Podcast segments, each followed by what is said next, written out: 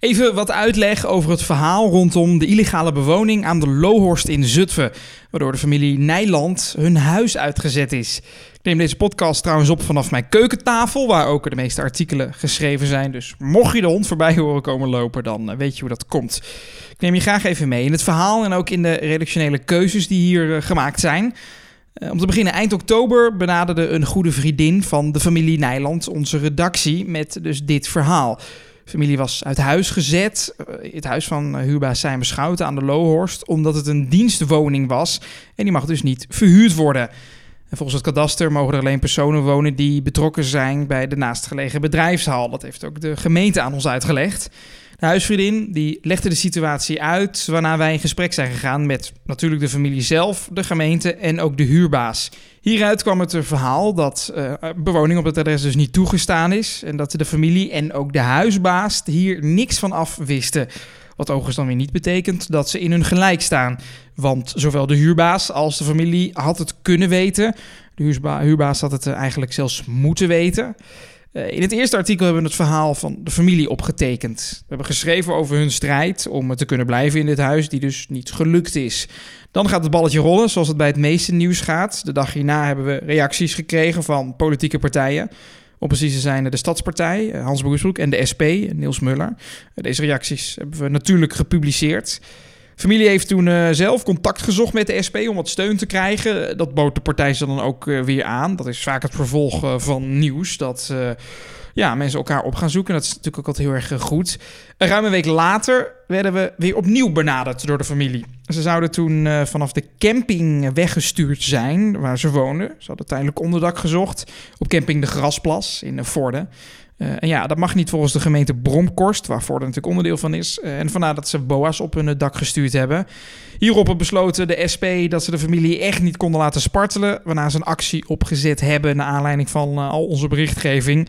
En dat was met resultaat. Want de wethouder Matthijs ten Broeke, is wethouder wonen en ook SP-wethouder, die beloofde een woning voor ze te regelen. Hierna konden ze in gesprek gaan, de familie dus, met de wooncorporatie Iedereen. Onder lichte druk van de wethouder. En die heeft een uh, huis aangeboden. In eerste instantie wilde iedereen ze niet helpen, uh, omdat ze oorspronkelijk niet uit Zutphen kwamen. Dat er is een Lohorst, was hun eerste woonplaats, woonplek in Zutphen. Nou, ze werd een huis aangeboden en deze, daar gingen ze mee akkoord. Waarna ze 1 december uiteindelijk intrek konden nemen op een eigen plekje waar ze eindelijk fijn konden wonen. En toen bleven de verhalen over de woning aan de Lohorst komen. Zo bleek dat huurbaas Simon Schouten niet zo netjes is tegenover zijn huurders. Uit uh, door mij ingeziene en ook deels gepubliceerde chatgesprekken bleek bijvoorbeeld dat hij zomaar met reservesleutel een bewoonde woning in is gegaan. Iets wat niet zo netjes is en wettelijk gezien eigenlijk ook niet mag. Later kwam boven tafel dat er in de woning aan de Lohorst nog gewoon mensen woonden. Wat helemaal niet mag. Want ja, goed, eh, de mensen zijn eruit getrapt. De familie is eruit getrapt. De gemeente die uh, gaf aan dat ze daar op de hoogte van waren. Schouten had namelijk een brief gestuurd naar de gemeente. Uh, maar deze arbeidsmigranten, want dat waren het, die woonden daar, die zijn niet uit hun huis geschopt. Wat bij de familie uh, Nijland wel het geval was. Een opvallend detail dus, dat de gemeente dus niet besloot om één lijn te trekken. En zo begint het verhaal dus bij een familie wat uit huis wordt gezet. En ja, er komen maar steeds follow-ups en zo blijft het zich ontwikkelen. Wat ondertussen dus een aardig dossier is geworden. We hebben in dit verhaal uh, veel redactionele keuzes moeten maken. Afwegingen, daar denken we altijd goed over na, natuurlijk. Um, want in principe is het natuurlijk, moeten we toegeven, een heel klein beetje de eigen schuld van de familie Nijland. Ze hadden onderzoek kunnen doen naar de woning en ze hadden er zo achter kunnen komen dat het niet bewoond mag worden. Maar ja, uh, zeg nou eerlijk, gaat iedereen onderzoek doen naar een huurwoning die gewoon op uh, funda staat? Ik huur zelf een appartement in Zutphen. Heb ik ook niet uitgezocht hoor, of dat wel mag. Nee, daar ga je er maar eigenlijk gewoon vanuit. We kregen veel berichten van lezers uh, daarover van ja, het is hun eigen schuld. Nou ja, goed, ja, denk even bij jezelf na, zou je het uitzoeken? Wettelijk gezien hadden ze het in principe kunnen uitzoeken en mogen ze daar niet wonen. Dus ook een klein beetje hun uh, fout. Toch uh, besloten om het uh, verhaal te publiceren. Mede doordat er een kind bij betrokken is. Dat maakt het een trieste en vervelende zaak. En in principe is de familie natuurlijk gewoon gedupeerd. Door onze berichtgeving is het balletje gaan rollen. Wat betekende dat de familie uiteindelijk naar nou, wat politiek, politieke bemoeienis familie een huis heeft gekregen. Daar kregen we ook veel berichten over van lezers. Die vonden het krom omdat de familie, omdat een andere familie die niet in de media zou verschijnen, waarschijnlijk geen huis zou krijgen. Dat snappen we. Ben ik het ook best wel mee eens. Um, maar dat laat ons er natuurlijk niet van weerhouden om over het besluit van wethouder ten Broeke te schrijven. Gezien we dit dossier zelf geopend hebben, ja, het is natuurlijk een heugelijk feit. We besloten hierover te schrijven. Het is goed nieuws. Het is een mooie afloop dat de familie een woning heeft gekregen. Maar ja, inderdaad, als het een andere familie was geweest die uh, geen media-aandacht krijgt, is de kans wat kleiner. Dat klopt. Uh, daarom wil ik ook zeggen, als je zo'n soort gelijk verhaal hebt, neem zeker contact met ons op. Wij zijn lokale media. Dat betekent dat wij nou, veel dossiers aan zullen grijpen. Je kan altijd contact opnemen met onze redactie. of met mij, als je dat direct wil doen. Sommige mensen vinden het fijner om direct met een journalist contact te hebben. jesse.lgld.nl, dat is mijn mailadres voor dat soort zaken. Dan is er nog huurbaas Simon Schouten. Die heeft het er flink moeten ontgelden in de publieke opinie. De reacties van onder andere SP-fractievoorzitter, die noemde hem een, uh, nou niet zo'n, uh, nou, noemde het niet zo'n handige actie. Noemde hij hem ook alweer? Ik zit eventjes uh, te denken. nou goed, ik kom er niet meer helemaal op, maar die had een bijzondere uitspraak daarover. Uh, gezien Schouten dus had kunnen weten dat het niet verhuurd mogen worden, is het natuurlijk niet geheel onterecht dat mensen daar een mening over hebben.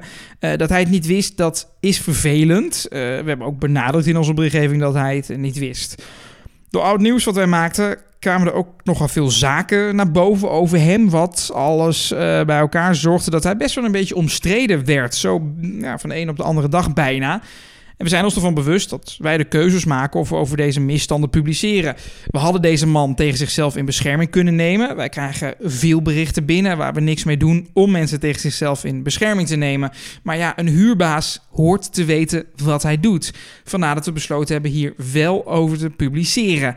Het is een individu. Hij zorgt voor veel onrust in de samenleving, maar vooral bij mensen die vertrouwen in hem hadden. We hebben bij alle verhalen gepoogd wederhoor toe te passen zoals het hoort. Op sommige momenten was hij ertoe bereid om een reactie te geven. Op sommige momenten niet. Hij wilde het graag uitleggen. Maar was vooral heel erg veel, heel erg grof. Richting mij, richting ons als platform. Ook richting de gemeente. Richting de uh, politiek die zich ermee bemoeide. Hij is uh, vrij, gaat met het gestrekte been erin. Dat is natuurlijk goed. Maar dan is het lastig om antwoord te krijgen op je vraag. Dat wilde die geregeld niet geven. ja, op het moment van opnemen. Ik heb hem een paar dagen terug nog wel gesproken. Toen ging het gewoon wel weer op goede voet. We proberen altijd wederhoor toe te passen. Maar soms iemand gewoon niet reageren. Het is belangrijk om uh, aan het einde van deze uitleg, van deze explainer, duidelijk te maken dat de wet gewoon de wet is. En daarin staat in de regels, niet letterlijk in de, in de grondwet, maar je begrijpt wat ik bedoel, dat er niemand in die dienstwoning had mogen wonen. En zo proberen wij ook onze berichtgeving in te steken met als belangrijk zijspoor dat het wel heel erg sneu is voor de gedupeerde familie. Ik hoop dat je een beetje uitleg hebt gekregen over waarom wij besloten hebben dit dossier te starten. Want dat is het. Het is een dossier met al aardig wat artikelen. Mocht je nou denken van ja, maar er is nog iets niet uitgelegd wat ik me afvraag. Waarom maken jullie die keuze? Kun je dat laten weten? Dat kan uh, via datzelfde mailadres jesse.lgld.nl. Er is al één vraag binnengekomen. Laat ik die er gelijk eventjes eh, bijpakken. Niet specifiek voor deze podcast hoor, maar een vraag die uh, mij vandaag onder ogen kwam waarom wij een foto hebben gepubliceerd van de arbeidsmigranten die in dat huis zijn. Er wonen dus nog arbeidsmigranten in dat huis. En er is, uh, nou ja, vanaf de openbare weg, belangrijk om te benadrukken, een foto gemaakt van de woning met deze migranten erin. Uh, hier hebben we voor gekozen om uh, duidelijk aan te tonen dat er inderdaad nog mensen in die woning woonden, wat dus niet mag. We wilden de arbeidsmigranten er niet per se mee tot last zijn. Alleen hier geldt ook weer, zij hadden ook kunnen weten dat ze er niet mogen wonen. We wilden het aantonen, vanuit we een foto hebben gemaakt. Het is gemaakt vanaf de openbare weg en we hebben netjes, gewoon om die mensen een beetje zichzelf te beschermen en om ze niet te kakken te zetten, de gezichten geblurred. Dat is dus de reden dat we het hebben gedaan. En uh, nou ja, ook algemene vragen, maar die hoop ik al beantwoord te hebben net. Van waarom publiceren jullie erover en gaan jullie nu voor elke familie die een probleem heeft uh, op de bres springen? Nou ja, sowieso springen wij niet op de bres. Wij schrijven er alleen over. En ja, als een soortgelijk verhaal zich aandoet, zullen wij daar zeker over publiceren. Misschien op dezelfde grote maat, misschien uh, wat uh, kleiner, maar laat het vooral altijd weten. Dat is belangrijk. het is slim om de pers op te zoeken. Het is ook een hele stap, kan ik me goed voorstellen. Je komt met je naam in de pers, komt op internet te staan. Als je over vijf jaar opgezocht wordt door iemand die jou op wil zoeken, bijvoorbeeld een nieuwe leidinggevende, komt het weer naar voren. Het is een stap, maar ja, het wil soms dus wel handig zijn om je verhaal naar buiten te brengen. Want sommige misstanden die komen gewoon nooit boven tafel. En daarom zijn wij heel erg blij dat de familie Nijland, de huisvriendin van de familie, ons contact heeft. En wil ik je ook aanraden als je denkt van hier kan de media wat mee, bericht ons altijd. Dat mag dus gewoon via onze redactie-mailbox. Dat is redactie.lgld.nl of direct via mij. Dat is dan weer jesse.lgld.nl. Nogmaals, mocht je vragen hebben, gebruik deze mailadressen en stel ze vooral. Wij zijn altijd open om op een normale, nette, volwassen manier met eh, jou als lezer in gesprek te gaan. Ik hoop dat ik alles uh, duidelijk uit heb gelegd. Bedankt voor het luisteren.